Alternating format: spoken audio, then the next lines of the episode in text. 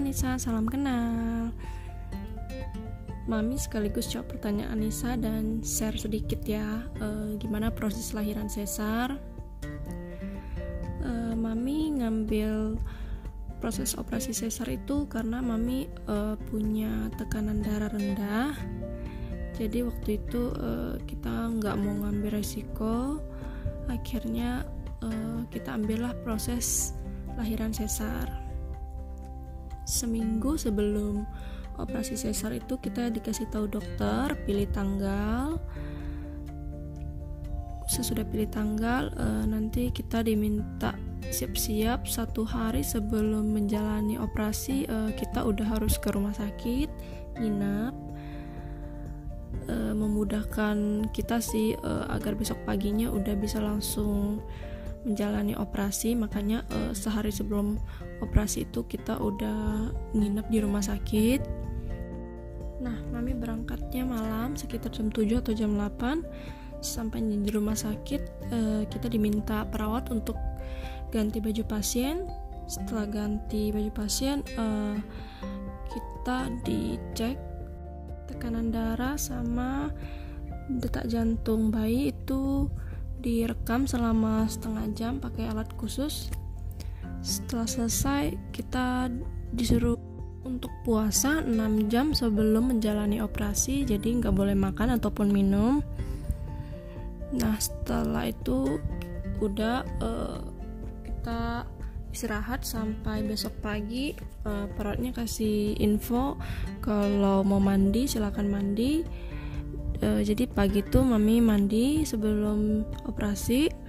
Setelah mandi perawatnya uh, info bahwa rambut pubis harus dicukur habis. Nah setelah itu mami udah siap-siap masuk ruang operasi. Sebelum masuk ruang operasi disuntikan satu cairan itu skin test e, bertujuan agar kita mengetahui kita ada alergi obat atau enggak Nah setelah itu udah langsung masuk ruang operasi, Dedi tunggu di luar, nggak boleh ikut masuk. Nah uh, setelah masuk ruang operasi kita disuntikan lagi di punggung kita itu obat bius. Setelah disuntik kita tunggu 5 sampai 10 menit, tunggu mati rasa setelah itu dokter akan meminta kita untuk coba menggerak-gerakkan kaki kita. Kalau sampai kaki udah gak bisa digerak itu artinya proses operasi udah boleh dimulai. Uh, kita nggak lihat langsung sih uh, proses operasi itu, cuman uh, kita tahu karena kita memang dibius setengah badan dari bagian perut sampai ke kaki itu nggak kerasa apa pun tapi dari perut ke atas itu kita sadar. Di dalam ruang operasi itu ada sekitar 4 atau 5 orang seingat mami satu dokter anestesi satu dokter kandungan dua atau tiga orang di antara itu tim dokter yang untuk bantu-bantu dokter. Nah proses operasi dimulai itu uh, gak lama sih kira-kira uh, setengah jam mami tahu dokter uh, tiba-tiba masukin satu sendok besi yang gede untuk mengorek gitu mengorek mungkin uh, si bayi biar lebih gampang keluar tuh dibantu korek. Itu agak terasa sih uh, kita ditindih sama dokter dua orang dokter ditindih uh, korek si baiknya keluar. Nah setelah keluar itu uh, mami dengar suara bayi nangis. Setelah nangis itu dikasih tahu sama dokter uh, ini bayinya jenis kelaminnya perempuan. Nah setelah uh, itu digendong keluar anak kita udah digendong keluar lalu uh, Dedi udah tunggu di luar sekalian uh, ikutin suster untuk timbang berat badan bayi lalu mandiin dan uh, taruh di inkubator dulu se sebelum mami operasi. Jadi uh, tunggu dokternya jahit lagi berlapis di kulit kita tunggu selama ya kurang lebih 15 sampai 20 menit juga sih setelah siap dijahit uh, udah kita udah didorong keluar. Setelah didorong keluar itu efek biasanya efek obat bios itu eh, nggak uh, langsung habis ya. Jadi uh, kerasa di badan itu dingin banget sampai menggigil sampai uh, menggertak. Sampai dinginnya sampai menggertakkan gigi itu dingin banget. Itu efek obat biusnya kita rasain 3 sampai 4 jam deh seingat mami. Soalnya mami e, dinginnya sampai mami ketiduran sendiri sampai nggak sadar. Setelah bangun mami juga e, disuruh buang angin dulu baru dikasih izin untuk makan atau minum. Jadi kalau belum buang angin tuh nggak boleh makan dan juga minum dan juga kita nggak bisa mau bersin ataupun batuk karena itu bakal sakit banget. Jadi kalau mau bersin ataupun batuk kita tahan dulu sementara. Nah e, sampai hari kedua kita udah disuruh latihan bangun untuk berjalan. Karena hari ketiga kan kita udah boleh pulang. Jadi kalau hari kedua itu harus udah bisa jalan. Jadi itu perjuangan banget yang hari kedua karena sakit banget. Uh, tapi akhirnya bisa juga mami lewatin uh, untuk ke toilet bersih bersih setelah itu lepas juga selang kateternya selang pipis.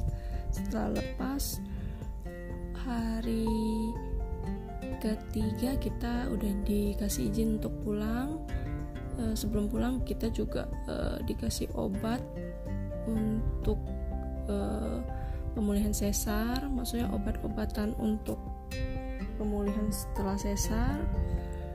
Terus dikasih salep juga untuk olesin di bekas sesarnya. Dua salep seingat mami itu diolesin rutin setiap hari pagi dan malam. Uh, nah uh, satu minggu uh, setelah operasi sesar itu kita diminta uh, jangan ngangkat berat.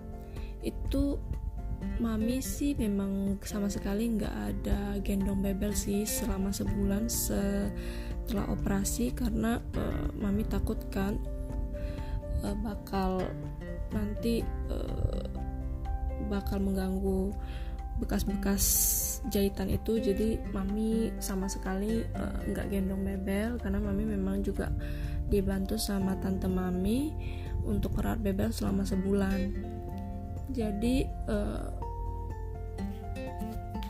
bekas operasi itu nggak boleh kena air juga. Kita masih diperban sih waktu itu mengingat masih diperban sampai tiga bulan kita baru dibuka perbannya disuruh ke dokter kandungannya lagi untuk dicek apakah udah kering atau belum. Kalau misalnya dalam tiga bulan itu udah kering kita baru dibuka perbannya. Kalau belum kering uh, kita nanti uh, pergi ke dokter kandungan lagi sebulan setelahnya setelah tiga bulan itu berarti total empat bulan ya kalau misalnya belum kering. Tapi biasanya harusnya tiga bulan udah kering sih. Yang penting kita juga harus uh, jaga makan yang memang maksudnya uh, enggak enggak makan. Kalau bisa seafood dulu seafood jangan dulu telur.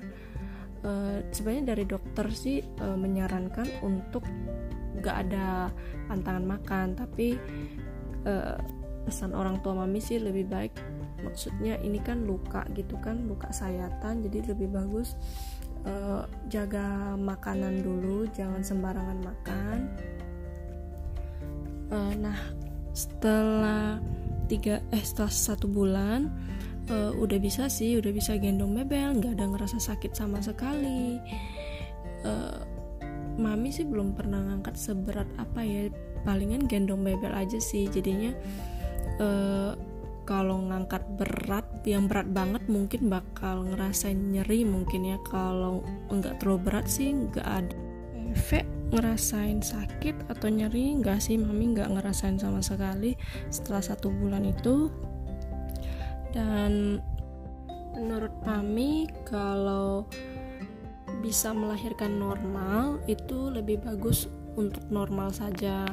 Karena normal e, lebih cepat pemulihannya. Kalau sesar itu kata orang butuh waktu 6 tahun untuk benar-benar luka sayatan di dalam itu benar-benar kering dan pulih gitu loh.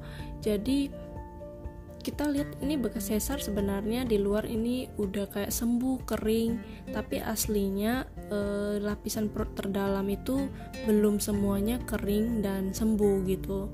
Jadi kalau memang nggak ada kondisi yang memang diharuskan untuk sesar ya lebih bagus untuk normal gitu kira-kira ini saja sih uh, pandangan sesar menurut mami dan sekian.